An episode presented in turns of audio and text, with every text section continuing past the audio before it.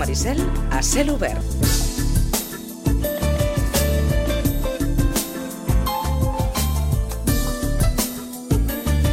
Bé, els ho dèiem ahir, el restaurant Disfrutar de Barcelona ha entrat en aquest podi de millors restaurants del món després de ser escollit en tercera posició pel rànquing britànic dels 50 millors restaurants del món en aquesta gala que es va celebrar abans d'ahir a Londres. El restaurant del xef sitgetà Oriol Castro i el seu equip l'Eduard Xatruc i en Mateu Casanyes s'ha escalat, per tant, dues posicions respecte a l'any passat, quan va ocupar, recordem, el cinquè lloc. Segons els organitzadors, el Disfrutar de Barcelona és un restaurant enginyós, divertit, experimental i tremendament deliciós. Oriol Castro, bon dia, bona hora. Hola, bon dia, molt contents de sentir-vos. Igualment, i moltes felicitats d'entrada. Eh, crec haver-ho haver llegit aquest matí a La Vanguardia, mm, explicàveu que anàveu a Londres sense grans expectatives. Bueno, no, la vida sempre, quan menys expectatives vagis, tot el de més serà més positiu, no? I anàvem, doncs, mira, si manteníem, estàvem supercontents perquè sabíem que era molt difícil pujar i, bueno, només estar entre els 10 primers o entre els 50 primers ja era un èxit, no? Perquè penseu que aquesta guia hi ha molts canvis, moltes votacions, depèn la gent on, on quan, doncs quan, quan voten, poden vindre més al restaurant o menys i per això és molt, molt irregular, no? Uh -huh. uh, entenc que uh, satisfets, uh, contents, uh, com, com heu rebut uh, aquest Premi Oriol?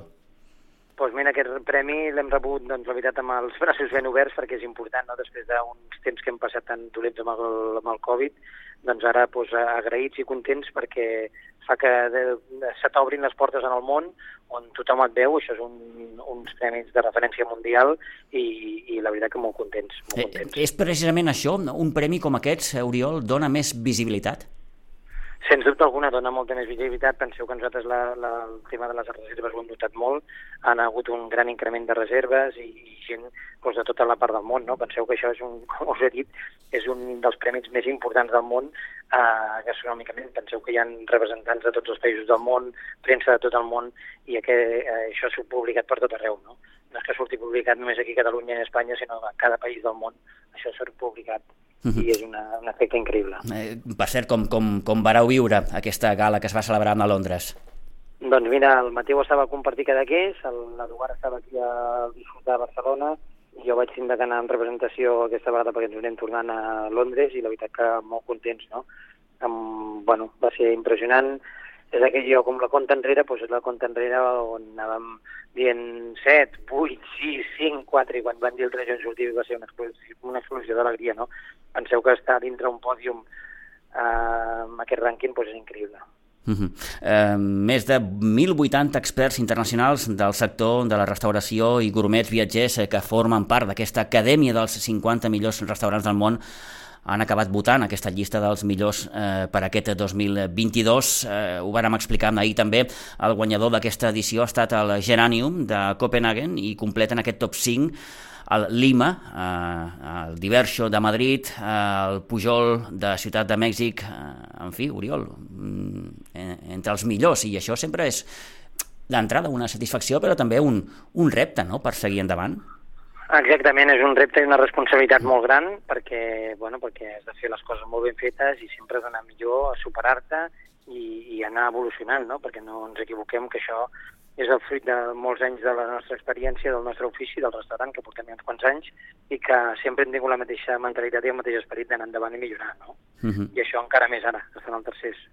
Eh, venim d'uns anys difícils, ho apuntava ara fa uns moments, amb la Covid, amb aquests eh, dos anys complicats per tots teniu aquella sensació que mm, tot ja es va posant una miqueta al lloc? Sí, sens dubte alguna, tot s'està posant al lloc, però la veritat que hem de, hem de seguir remant tots, hem de picar pedra, perquè això eh, diuen que venen moments difícils, i, bueno, i nosaltres encara més estem més concentrats perquè ara amb el disfrutar, doncs aquí a Barcelona tenim un tipus de clientela amb un target més alt, no? i després també hem obert un altre negoci com pot ser compartir compartir Barcelona, uh -huh. que és un target doncs, més, més, més, més acotat, més petit, un restaurant on pots anar-hi més sovint, no? I llavors tenim aquestes diferents vies de negoci juntament amb el compartir Cadaqués. Eh, per cert, com, com prova l'estiu? Doncs l'estiu bé, a Cadaqués anem treballant, no ens podem queixar, estem contents, Uh, L'equip està amb molta força, moltes ganes de fer la temporada i després aquí a Barcelona també estem molt contents perquè la gent del país ens ha respost. No tenim gaire turisme aquí a Barcelona a compartir, però, però tenim molta gent de la terra, que això és el bo també, que ens va omplint i anem treballant. No? Al final no hem de perdre la vista a tota la gent que ens ha apoyat, que ens ha omplert aquests restaurants durant aquests temps de pandèmia i, i hem de ser molt agraïts no? amb tothom. Eh, és més un client d'aquí que, que, que, que de fora? Sí, sí, sí, sí, compartir Barcelona és més un client de, de Barcelona, també és un restaurant que no, no, no s'ha promocionat molt a l'extranger ni res i, i molta gent d'aquí a la terra, no? de tota Catalunya venen. Uh -huh. eh, mm, el passat mes de juny va obrir les portes al, al Compartir Barcelona. Mm, és, recordem, la marca i el concepte que es va crear el 2012 a Cadaqués i en aquest sentit mm, segueix la, la, la, la, la seva filosofia. Eh, en, en aquest projecte, Oriol, eh, hi heu afegit una peça... Bueno, sí, en Vaja... aquest projecte hem afegit el Nil Dorset, que era cap de cuina de, Això mateix. de, de disfrutar i ara és part de soci nostre i està encapçalant el projecte. Nosaltres no estem físicament cada dia allà i anem passant, tant l'Eduard, el Mateu com jo, eh, i, i apareixem, tornem i, i ens estem centrats més al disfrutar, no? Però sens dubte alguna compartir pues, és un, un model diferent i, i on no és tan personal que siguem nosaltres en allà. Uh -huh. Bé, eh, com la seva pròpia paraula indica, mm, doncs això, eh, es tracta de compartir plats, entenc. Exacte, és una oferta per compartir, tenim una oferta que és un, més d'un 50% diferent que la de Cadaqués, tenim uns quants plats icònics com pot ser el canaló o el bou de mar, no? i també hem ampliat algun més de l'oferta amb uns panxinos, etc etc. Uh -huh. alguns altres plats. Bé, l'estiu ja ens heu comentat que, que, que va prou bé, uh, però s'alviren temps difícils uh, des del punt de vista uh, econòmic, uh, Oriol. Exactament, jo crec que no, no hem de tancar els ulls, tots ho sabem, a les nostres butxaques abans omplíem un dipòsit de gasolina del cotxe per 50 euros, en tenim que pagar 100, això vol dir que tot això repercuteix, no? I tots ens hem de contraure a vegades i, i bueno, hem d'estalviar una mica i venen temps difícils on tots tindrem que, que tirar endavant, no? Mm. Eh, desmunta'm... I per el... això també, per això hem muntat diversos negocis nosaltres per poder aguantar tot, i sí. per, perquè avui en dia tenim quasi 100 treballadors, no? I tenim molta gent al nostre càrrec i clar, clar. Amb, amb molts restaurants. Mm -hmm. eh, et volia dir, desmunta'm el mite, eh, un bon restaurant és car. Exacte, un restaurant, mira, és molt senzill, el restaurant disfrutar ara val uns 230 euros per persona, no? Però la veritat que a vegades dius és car. Sí, jo, soc, jo reconec que és car, no?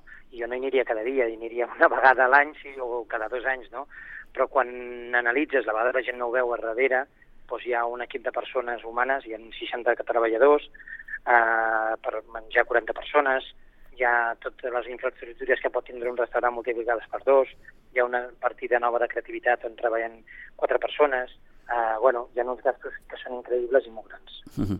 eh, em va fer molta gràcia, crec que haver llegit una entrevista que et van fer, eh, crec, a Agència F, que, que, que deies que un bon cuiner no desperdicia res. Exacte, jo sempre ho dic, que estem en una època de la sostenibilitat, de l'aprofitament, jo crec que tots els bons cuiners hem sigut i som gent que aprofitem tot, no? Jo sempre dono l'exemple de la mare, no? A casa quan comprava el pollastre i de la petxuga, feia petxuga barrebossada o petxuga a la planxa, la carcassat feia el caldet, doncs s'aprofitava tot, no es tirava res, no? A les alfetges et menjaves alfetges tajadet amb ceba, no? Vull dir que no es tirava res, i els padrers anaven al caldo i jo me'l menjava el padrer, que era un manjar, no? I ens barallàvem amb els meus germans per menjar el padrer, no? Vull dir que aquest esperit d'aprofitament i, de, i de sostenibilitat que es porta tant eh, jo crec que tenim també tots els cuiners dintre. Mm -hmm. uh, Oriol, gràcies per haver atès la nostra trucada, que, doncs... que, que vagi molt bé, moltes felicitats per aquest nou reconeixement, uh, en fi... Eh... Doncs moltíssimes gràcies, eh? i una forta abraçada a tots Sitges i a tots els que ens esteu escoltant. Gràcies, Oriol, una abraçada, adeu-siau. Vinga, adeu, adeu-siau.